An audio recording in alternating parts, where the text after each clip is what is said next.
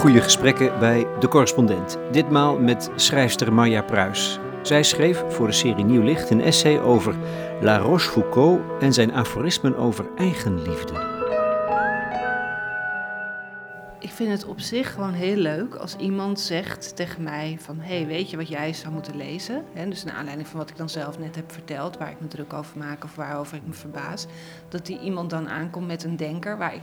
nou, ik had er wel van gehoord, maar ik had het nog nooit gelezen. Dus ik ben altijd wel, denk ik, heel ontvankelijk voor nou, een, een, letterlijk een nieuw licht. Ik denk, oh, wie weet, heb ik daar iets aan. Ik had het vorig jaar zomer, had ik de aforisme meegenomen op vakantie...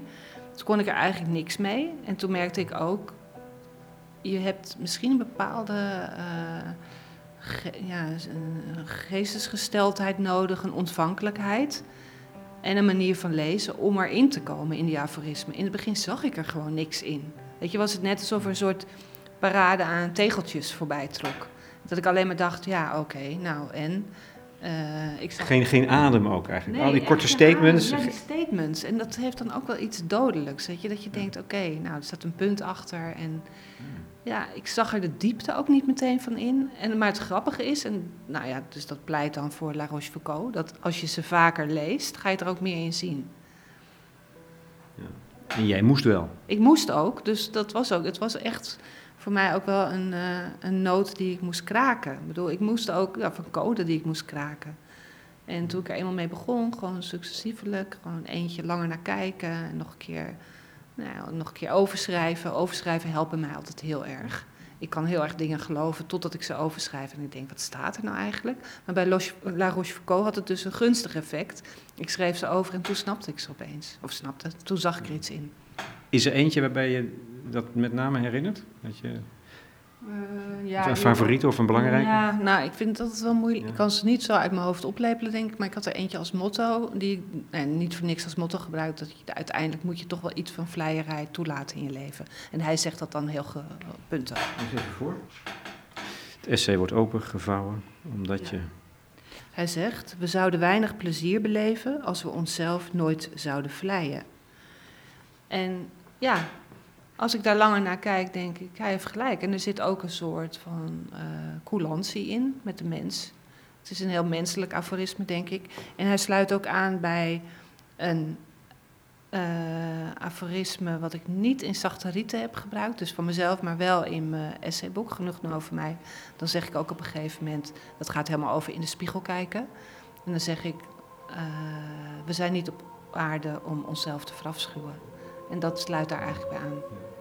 Ja, dat is dan toch die zachtaardigheid, denk ik. Waarvan ik denk dat dat een manier is om jouw werk te typeren. Ja, ik vind het heel mooi als je dat zegt van zachtaardig. Denk ik, ja, ben ik zachtaardig? Maar ik moet zeggen, mensen denken wel snel van mij dat ik zachtaardig ben. Ik wil ook niet mijn zachtaardige kant uh, uh, daarop neerkijken. Maar ik weet ook van mezelf dat ik ook best een hatelijke kant heb.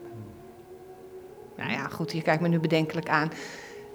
Ik wil jouw beeld van mij nu niet gaan verstoren. Ik bedoel, ik ben wat jij zegt dat ik ben. Ja. En dat is dan weer bijzonder vriendelijk natuurlijk van Marja Pruis. Toch zit er onmiskenbaar een coulante blik op de mens in haar werk. Dat zit in haar columns voor De Groene. Het zit in haar essays, Genoeg over mij, maar ook in haar laatste roman, Zachte Rieten. En het is precies dat wat mij er zo in aanspreekt.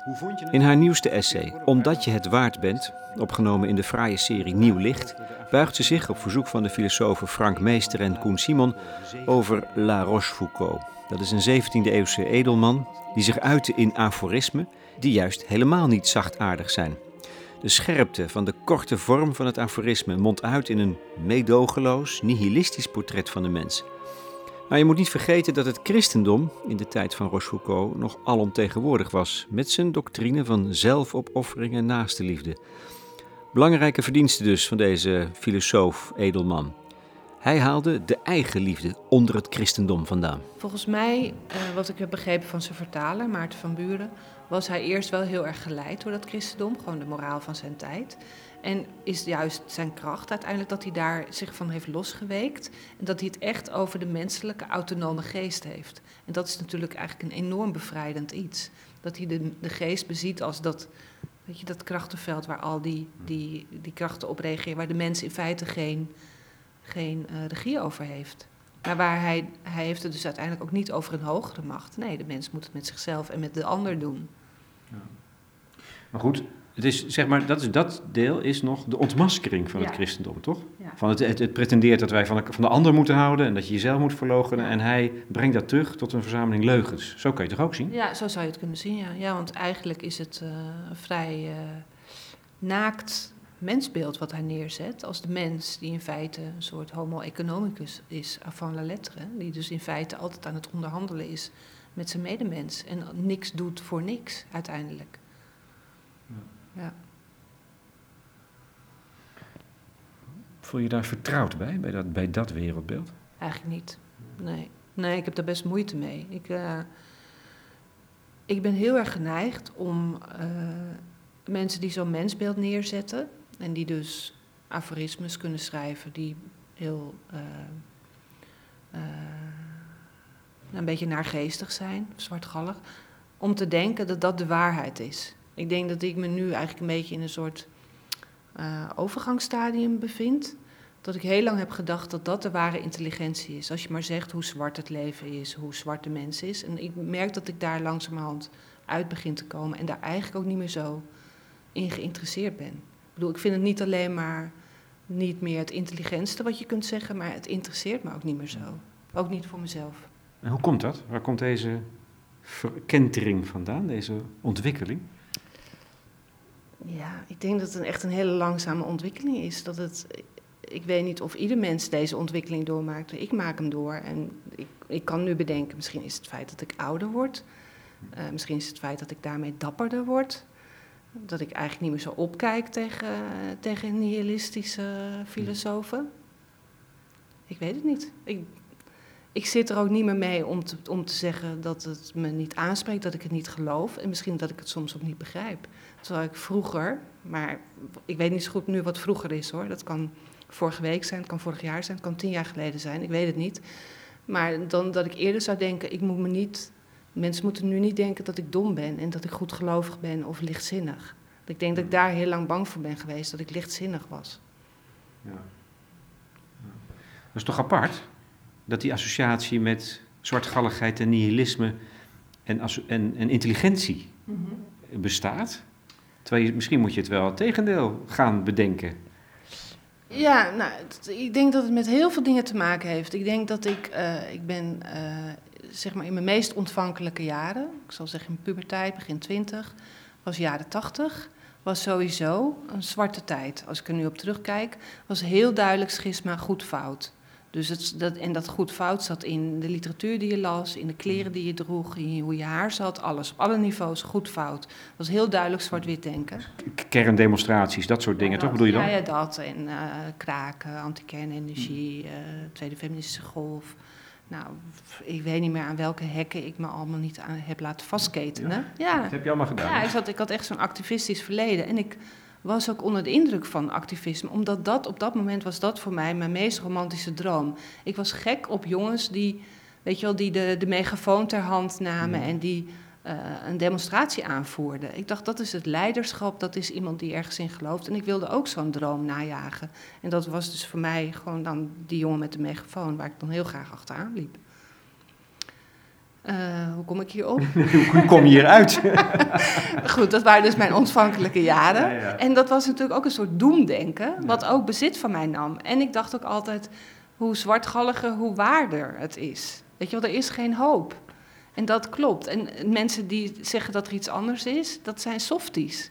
Die zijn goedgelovig en die zijn uiteindelijk oppervlakkig. En ik merk dat ik heel langzaam uit die idiote dichotomie aan het komen ben. Ja, dat vind ik, dat vind ik fascinerend. Dat vind ik prachtig. Veel van je boeken, bijvoorbeeld Zachte Rieten, gaat over zoiets als wie ben je? Wie ben je werkelijk? En moet je bijvoorbeeld trouw blijven aan de ideeën die je kent? Aan de mensen mhm. is al een ding, maar die verdwijnen of die uh, veranderen of uh, blijken niet te zijn wat ze voorstellen. Dus je moet jezelf is dat dan eerlijkheid of oneerlijkheid als zoiets hè, je, jezelf overkomt? Dat je denkt van, ik geloof niet meer, ik, ik geloof eigenlijk niet wat ik, wat ik jaren heb verdedigd. Maar ik vind het ook echt het grootste drama in het leven. Ik vind het ook heel gek om te bedenken, je hebt één leven. Als het goed is, als het je gegeven is, duurt het leven best lang, laten we zeggen 80 jaar. Maar je bent niet een constante. Terwijl tegelijkertijd denk ik altijd, je moet trouw blijven aan jezelf. En gewoon, hoe los je dat op? Ja? Ik vind dat heel moeilijk. Ja, ik, ik, ik weet het niet. En ik voel het al eigenlijk altijd als het grootste verraad. Dat je, je je oude zelf uiteindelijk moet zien te ontsnappen om je te ontwikkelen. En ik ben daar eigenlijk nog steeds niet uitgekomen hoe ik dat doe. Dus die frictie, volgens mij beschrijf ik dat Ja. eigenlijk de hele tijd. Dus dat is het aforisme. Je moet jezelf verraden Ja. om te worden wie je bent. Ja, om, en om je te ontwikkelen. Ja, om je te En doet het dan pijn? Of is dat, wat, wat is dat voor Ja, soort... eigenlijk, ik bedoel, als we het erover hebben, echt, het klinkt heel overdreven, maar heb ik echt moeite om dat gewoon nuchter te zeggen. Ik vind dat heel moeilijk. Slokje thee. Maar je hebt je, het jezelf gegund. Wat ik bijvoorbeeld heel mooi vind, of heel vriendelijk, is dat je in eh, Genoeg over mij regelmatig terugkomt, in alle openheid, op wat je eerder hebt gevonden of geschreven. Hè, bijvoorbeeld over Connie Palme of zo. Ja. Nou, daar blijkt je een, Ja. met, met de jaren een inzicht te krijgen van... hé, hey, ik denk er anders over. En dat geeft je prijs. Dus dat lijkt dan heel, heel juist heel schaamte, ja, de Ja. schaamte voorbij. Ja. Ah, ik accepteer het van mezelf. Ja, maar dat ja. is niet helemaal waar. Dus. Nee, maar het is wel de enige manier. En ik, het schrijven is natuurlijk weer wat anders dan het zeggen. En voor mij is het, het opschrijven is een, voelt op een bepaalde manier als een soort bevrijding, denk ik. Terwijl je zou zeggen, dan staat het keihard op dat witte papier. Maar het is toch een andere wereld. Ik vind het ook wel best moeilijk. eh, het is heel gek hoe je je kunt verschuilen als schrijver, omdat je denkt, ach, het zijn maar woorden. En tegelijkertijd, ja, wat is er meer dan woorden? En inderdaad, het staat zwart op wit, dus en het wordt in meervoud gedrukt. En toch, als mensen mij aanspreken op wat ik schrijf, en dan geldt het zeker voor wat ik in de Groene nu schrijf, weet je, omdat het eigenlijk een soort momentopname is, waar ik dan voortdurend mee geconfronteerd kan worden. Zeker in mijn columns. Als mensen dan een column van mij lezen en dan me de volgende dag opbellen of als ze me tegenkomen, zeggen ze: hey, gaat het wel goed met je? En dan denk ik echt, waar heb je het over? Omdat ik dat dan toch blijkbaar zelf een enorme scheiding aanbreng tussen dat wat ik schrijf en wat de werkelijkheid is. Dat tegelijkertijd, de columns zijn ook voor mij heel direct en persoonlijk. En het is niet voor niks dat mensen ook direct alles op mij betrekken. Daar ben ik ook op uit. En toch vind ik dat dan bijna lelijk om het zo op die manier in, het gewoon, in de gewone conversatie te betrekken. Ja, sterker nog, je schrijft ook daar weer over dat dat wat op papier staat, hoe openhartig je dan dus ook bent, dat het toch nooit helemaal samenvalt met wie je bent. Dus daar blijft iets ontglippen als iets wezenlijks, denk ik, van wat mensen zijn, identiteit is. En tegelijkertijd, door het op te schrijven, verzoen je je ermee volgens mij. Ja, eh, maar het opschrijven betekent altijd eh, uitvergroting, Hm. isolatie. Weet je wel, je mist alle ruis eromheen. En ik vind het, in het werkelijke leven kan ik me altijd fijn verstoppen. Weet je wel, ik kan iets zeggen en tegelijkertijd uitstralen, let niet op mij. Terwijl dan op papier is het alleen maar dat. Dus dat vind ik soms moeilijk. Hm. Maar ja, moeilijk. Het is inderdaad ook een, het is een, ook een bevrijding voor mij om het op te schrijven. Ik heb het woord verzoening daarmee. Ja, het is een verzoening. Ja, het is ook een verzoening. Ja. Het is onder ogen komen van zoiets. Ja. Ja. En ehm, wat je in een bijzin zei, ouder worden is dapperder worden. Ja, voor mij wel. Ik heb altijd het gevoel dat ik een enorme lange weg ben gegaan. Tegelijkertijd denk ik dan ook weer, ja, maar als ik hem ben gegaan, dat geldt natuurlijk dan voor meer mensen. Maar ik ben geneigd om andere mensen, andere schrijvers ook, heel erg te zien als mensen die sneller wisten wie ze waren en wat ze wilden schrijven. Terwijl ik, ik heb naar mijn gevoel heel lang daarover gedaan om überhaupt naar buiten te durven treden met wat ik schreef. Dus eh, ja, het is zo'n lang proces. En het proces is, merk ik, nog gewoon niet ten einde. Het is echt het vergaren van moed, de hele tijd. En eh, ja, Moed waarvoor? eh, moed om, om onopgesmukt te zijn. Of om toch zoiets als de waarheid op papier te zetten. Of met andere woorden, jezelf onder ogen te zien. Dus. Ja, zoiets. Ja. dat is het. Ja. En hoe vergaar je moed? Uh, jezelf toespreken, uh, luisteren naar de goede stemmen in je omgeving. Dat is wel heel belangrijk. Ja, ik, ik denk, je zegt, dus, meer mensen zullen het hebben. Ik herken me daarin dus heel erg als iemand die een hele lange weg aflegt. Ja. En voor mij zijn het, ik formuleer het altijd, het gaat mij erom dat ik de angsten probeer kwijt te raken. Mhm. Die een lange tijd van mijn leven, mijn leven beheerst hebben. Ja. En hoe raak ik ze kwijt? Door het te doen. Ja. Door die dingen die doodeng zijn, gewoon te doen. Ja. Uh, ja, dat is ook zo. Uh, zeker. En dan merk je ook van er gebeurt niks. En, maar ik kan ook heel vaak denken, oh, maar het ergste heb ik al meegemaakt. Dus erg kan niet worden. Ook heel geruststellend. Ja, ja dat is wel heel relativerend. Ja.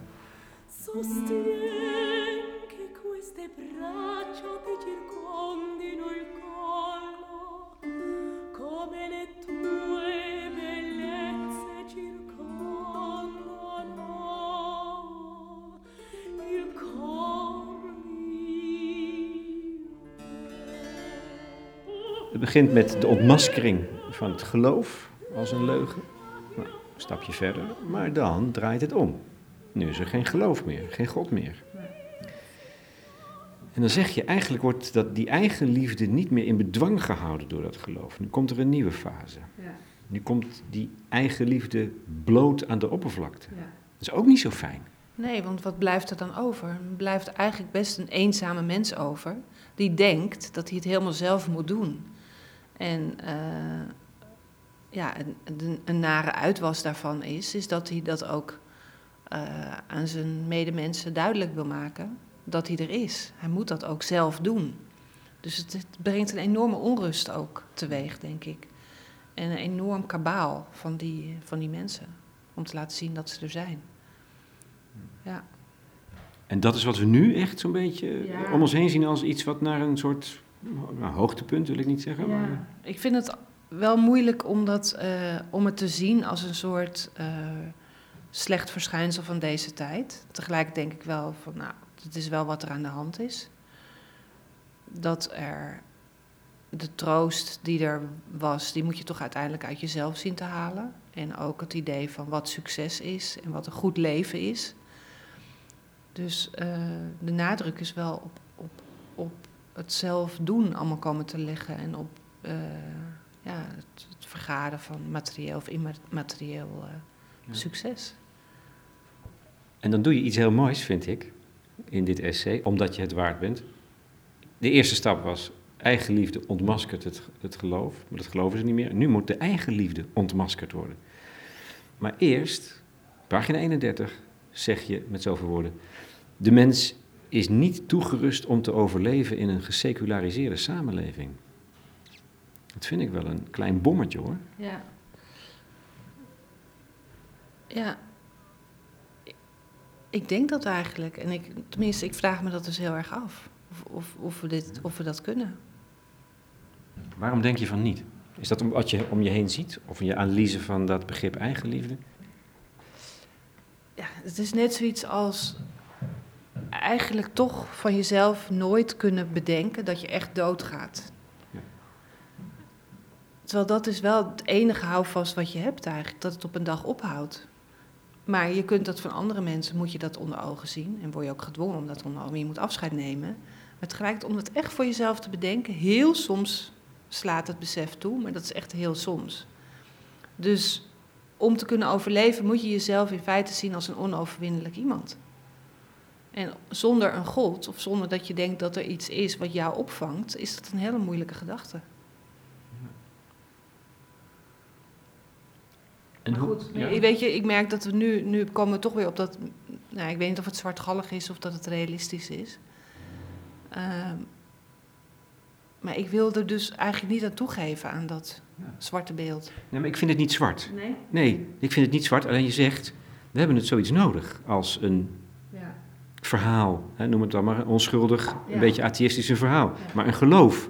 Maar iets groters. Hm. Iets dat boven dat ik uitstijgt. Wat kan dat dan nog zijn vandaag de dag?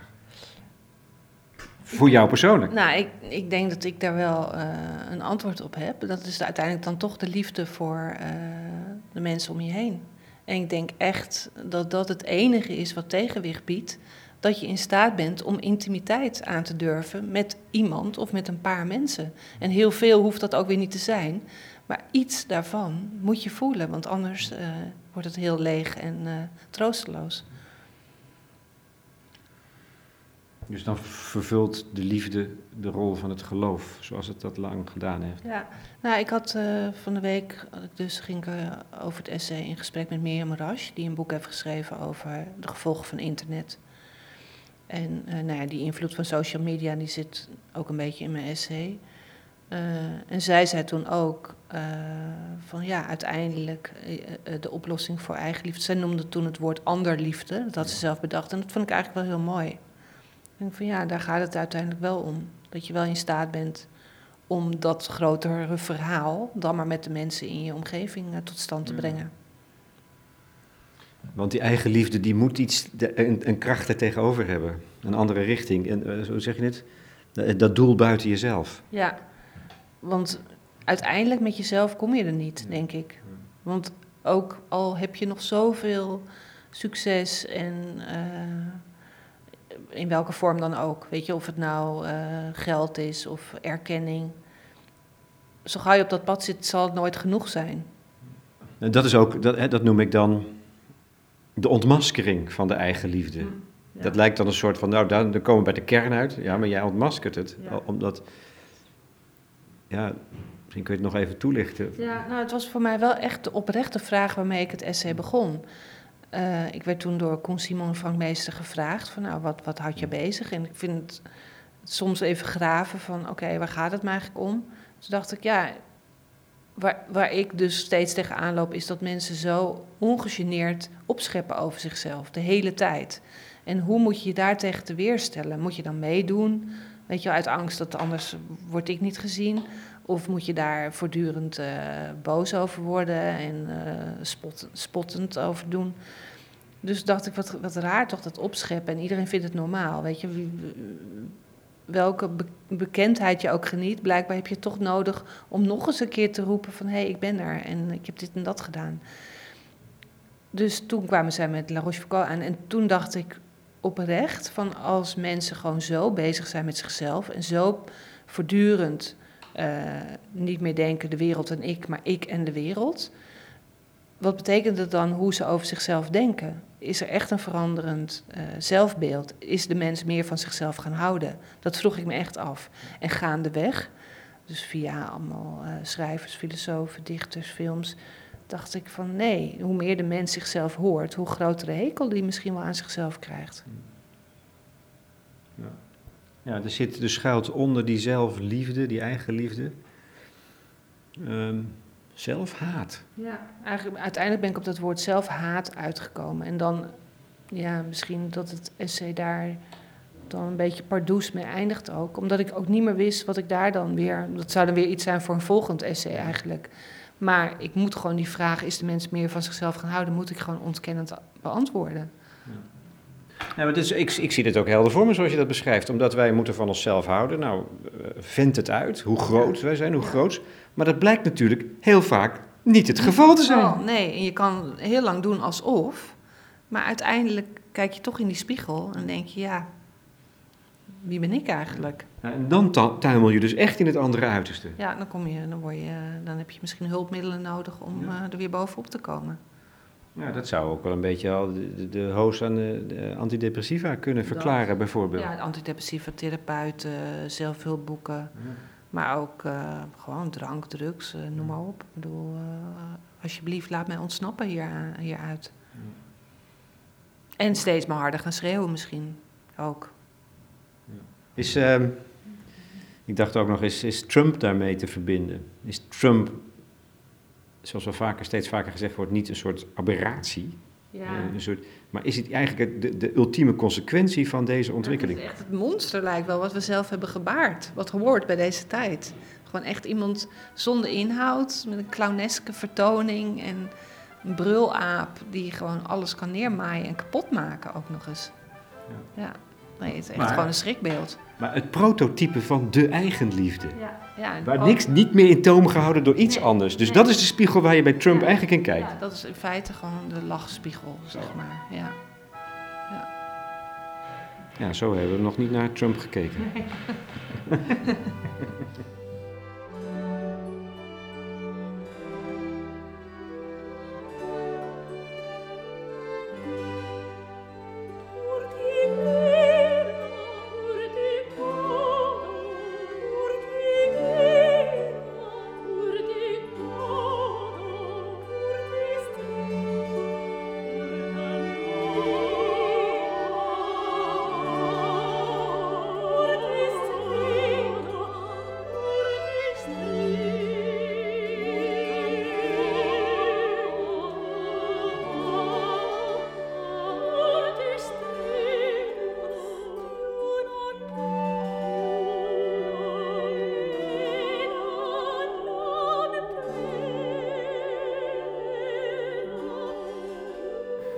Wat is liefde voor jou?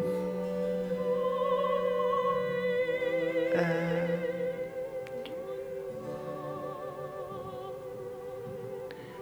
liefde is sowieso iets in iemand zien, in, een ander zien.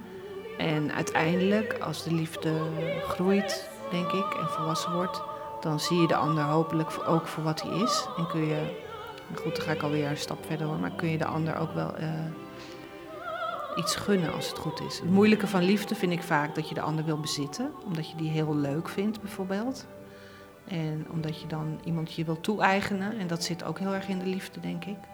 Bezitsdrang, altijd bij iemand willen zijn, symbiotische relatie nastreven, niet alleen willen zijn. Maar dat zijn eigenlijk een beetje negatieve motieven.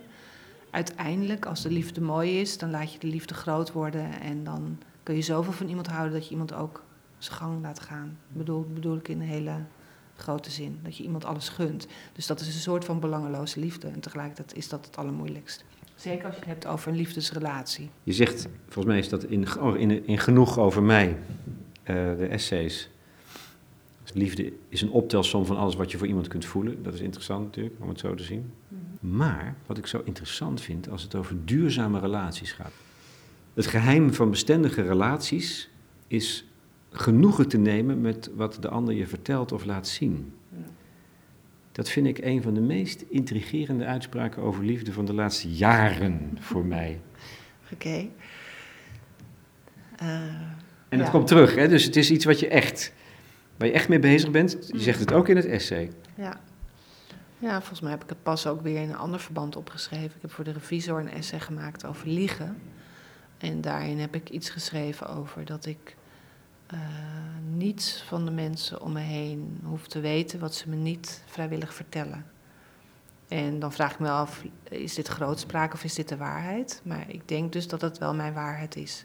Dat dat ook liefde is voor mij. Ehm, niet gaan zitten eh, zoeken achter iemands façade. Façade klinkt negatief, maar iedereen heeft een façade. Iedereen heeft wat hij wil laten zien. En daar moet je het gewoon mee stellen. Ik denk dat heel veel eh, verkeerd gaat. Als je echt denkt van ja, maar ik wil echt weten, wat denk je aan? Waar denk je echt aan? En dan denk ik, ja, je moet een kern moet je aan mensen zelf laten. Dat is die bezitsdrang, zou je kunnen Ja, zeggen. bezitsdrang, maar ook dat symbiotische, wat je wil. Iemand echt willen ontleden. Weet je, dat is een, voor mij een soort van no-go area. Ik bedoel, ik wil het niet met anderen doen, ik wil ook niet dat anderen dat met mij doen.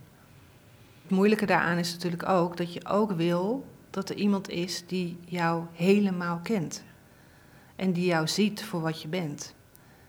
En mijn eh, ook weer geloof is dan dat ook al eh, laat je de ander genoegen nemen met het uiterlijke, dat de ander wel weet wat er, wat er in je omgaat, omdat hij je gewoon bijvoorbeeld lang of goed kent.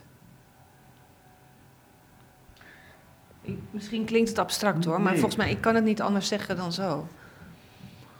Ja, dat, maar ik vind het een hele bijzonder... Want het is natuurlijk waar. Wij denken, ja, liefde is... Voel je voor iemand die je volledig vertrouwt. Mhm. En dat betekent dat je alles laat zien.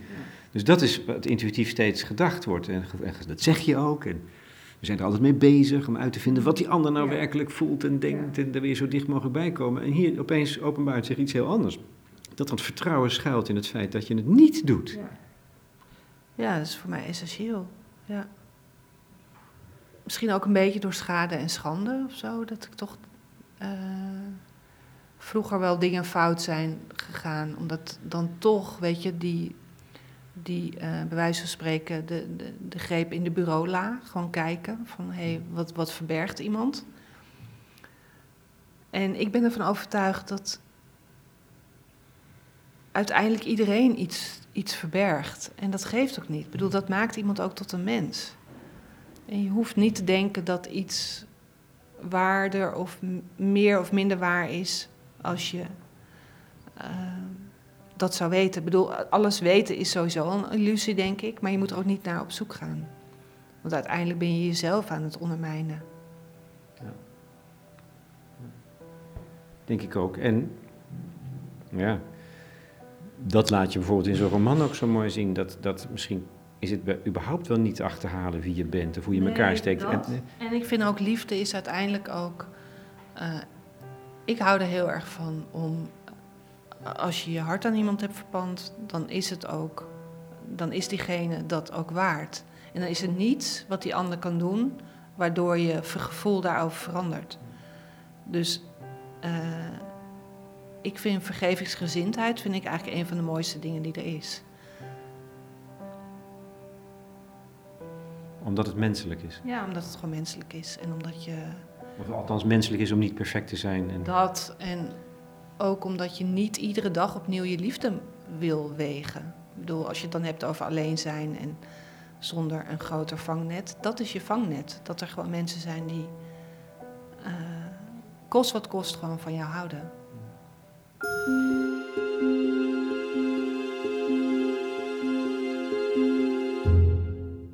Marja Pruis in gesprek met Lex Bolmeijer over haar nieuw licht-essay Omdat je het waard bent.